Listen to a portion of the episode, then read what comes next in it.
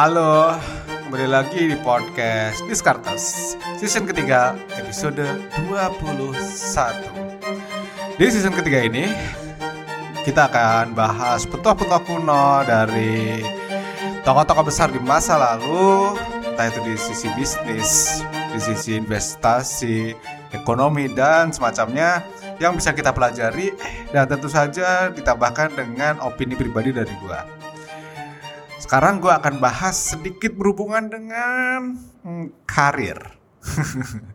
Karena ada hubungannya sama duit ya, kita bahas karirnya juga. Etis gak sih kalau ada kutu loncat dalam pekerjaan? Mungkin kamu sudah tahu atau deng sering dengar istilah ini identik kalau orang berpindah halauan dari perusahaan A ke perusahaan B dan sayangnya konotasinya masih negatif. Padahal belum tentu juga karena tergantung konteks perusahaannya, tergantung konteks individunya gitu. Jadi tidak bisa kita menyamaratakan semuanya. Disamaratakan karena dianggap oportunis dan dianggap gak punya loyalitas, padahal ya belum tentu gitu loh. Di semua aspek, entah itu di politik, di bisnis, eh, ganti-ganti halauan sebetulnya hal yang biasa. Cuman memang yang harus dalam tanda kutip adalah jangan terlalu sering. Misalnya dalam setahun kutu loncat sampai 12 kali. Ya berarti setiap bulan dia pindah perusahaan nah itu nggak pas gitu kan. Itu udah suatu yang tidak sesuai kaidah masa kerja cuma niatan sebulan gitu. Nggak pas. Nah dalam kasus ini kita akan belajar dari Larry Ellison. Dia salah satu miliarder perusahaan piranti lunak atau software bernama Oracle. Jadi dalam tempo 11 tahun sejak dia selesai sekolah Larry itu pernah bekerja di empat perusahaan berbeda namun, meski tidak punya karir pekerjaan yang mulus di satu perusahaan, setiap berpindah tempat kerja dia selalu dapat pengalaman, terus skill baru yang ternyata berguna untuk karir selanjutnya. Sampai puncaknya dia bikin perusahaan sendiri bernama Oracle yang mengantarkan si Larry menjadi salah satu orang terkaya di dunia. Yes, menurut Forbes, Larry adalah orang terkaya nomor pernah nomor 8 di dunia hartanya sekitar hampir 100 miliar dolar. Ya dia tajir karena kerja keras ngebangun Oracle sampai segede ini gitu. Jadi awalnya sebelum sukses ngebangun Oracle selama 45 tahun, Larry itu nggak betah diam di satu tempat. Sama kayak beberapa bilioner lain, dia gagal selesaiin sekolahnya di University of Illinois di Urbana ya karena memilih kerja. Tapi pada 1966 ia memutuskan untuk kuliah lagi di University of Chicago yang hanya dijalani selama satu semester kemudian stop. Larry sebetulnya suka banget dengan komputer tapi karena nggak suka sama pendidikan formal, ia pilih mendalami lewat kursus dan otodidak. Nah, karena punya bekal keterampilan tadi, dia akhirnya diterima di perusahaan investasi bernama Fairmont Fund sebagai teknisi komputer. Cuma dia ngerasa di tempat tersebut kurang memberikan penghargaan. Jadi Larry terus pindah nih ke Wells Fargo Bank. Jadi teknisi juga. Nah, kan gue yakin pasti banyak nih beberapa di antara kalian yang ngedengerin ini relate bahwa pernah kerja di sebuah perusahaan terus merasa tidak dihargai kemudian pindah ke tempat lain dan kebetulan si Larry ini mendapat penawaran yang bagus. Buat kalian juga kalau misalnya mau pindah pastikan dulu penawarannya bagus jangan asal pindah karena nggak happy kalkulasi harus banyak. Nah, kembali ke topik Larry, dengan keahlian yang dimiliki pada tahun 1973, Larry diterima kerja di Amdal Corporation sebagai programmer. Nah, di Amdal ini ya dapat banyak nih tambahan ilmu pengetahuan itu banyak banget ya kan.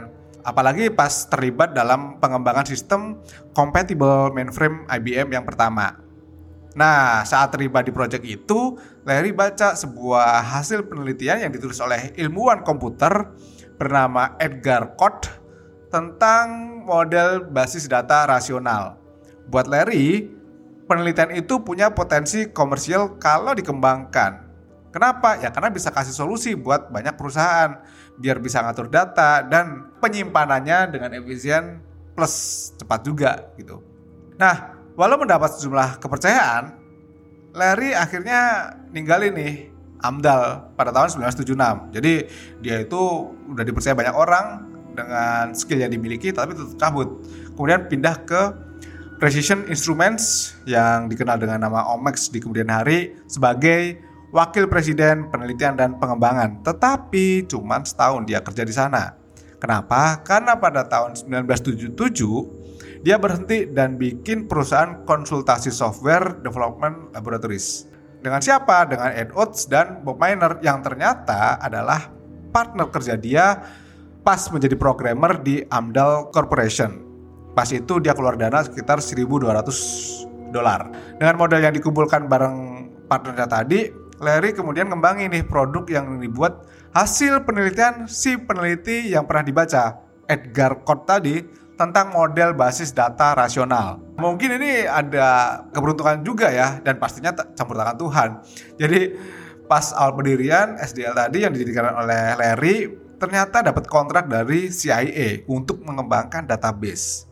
Pada tahun 1979, setelah itu, Larry merilis Oracle, program database relasional komersial paling awal yang menggunakan SQL. Jadi program database serbaguna itu yang bikin cepat ya, kemudian diterima oleh market dan membuat perusahaannya populer. Kalau kita lihat dari perjalanan hidup si Larry, gue jadi tahu bahwa nggak ada pandangan hidup yang saklek ya, yang mutlak bagi setiap orang. Ada orang yang memilih untuk santai di kantornya, tidak berpindah tempat, ya nggak apa-apa karena itu pilihan dia demi mengejar karir di kantor tersebut. Still oke, okay, still fine gitu kan. Ada juga orang-orang yang lebih happy ketika berpindah tempat untuk mengejar ambisinya, ya still oke, okay, still fine gitu. Semua orang memiliki pandangan hidup dan cara kerja yang berbeda-beda. Jadi konteks kutu loncat sebetulnya menurut gua tidak melulu negatif juga sepanjang sesuai dengan etikanya. Ya masih etis lah.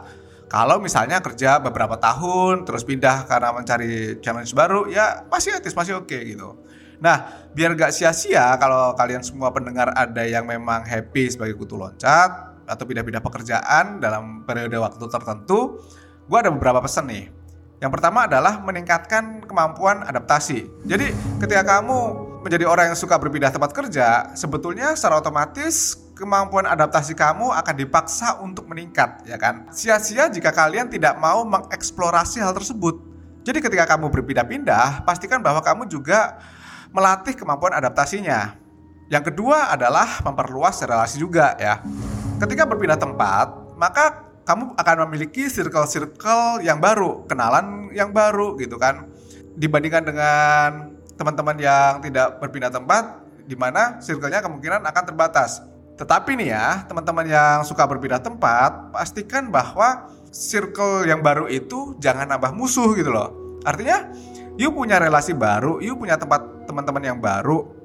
Jagalah perbuatan kamu biar yang bertambah itu teman, bukan musuh, ya kan? Karena bertambah circle baru belum tentu bertambah teman, bisa saja bertambah musuh kalau tabiat kamu ngeselin gitu kan ya kayak gue ngeselin juga sebenarnya tapi ya still oke okay lah nah yang ketiga adalah kamu harus pastikan bahwa skill itu bertambah kalau kamu pindah tempat tapi kamu nggak meningkatkan skill dan nggak dapat skill yang baru buat gue sih itu sia-sia juga gitu karena berpindah tempat itu nggak hanya mengejar duit juga, tapi mengejar kemampuan lainnya, ya kan?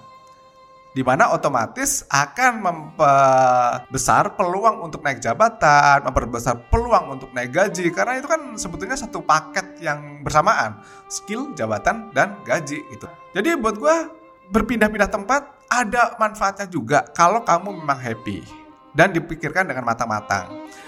Jangan berpindah tempat karena emosi sesaat. Dan buat teman-teman yang nggak terlalu suka pindah tempat itu juga nggak apa-apa. Karena itu adalah pilihan kamu juga gitu. Jangan memaksakan kalau misalnya kamu memang gak suka. Ya buat apa gitu kan. Yang penting adalah ketika kamu bekerja kamu happy bahagia. Biar apa? Biar matanya cerah selalu. Oke ini aja dari gua. Sampai jumpa lagi di podcast Discartes episode selanjutnya. Thank you and bye bye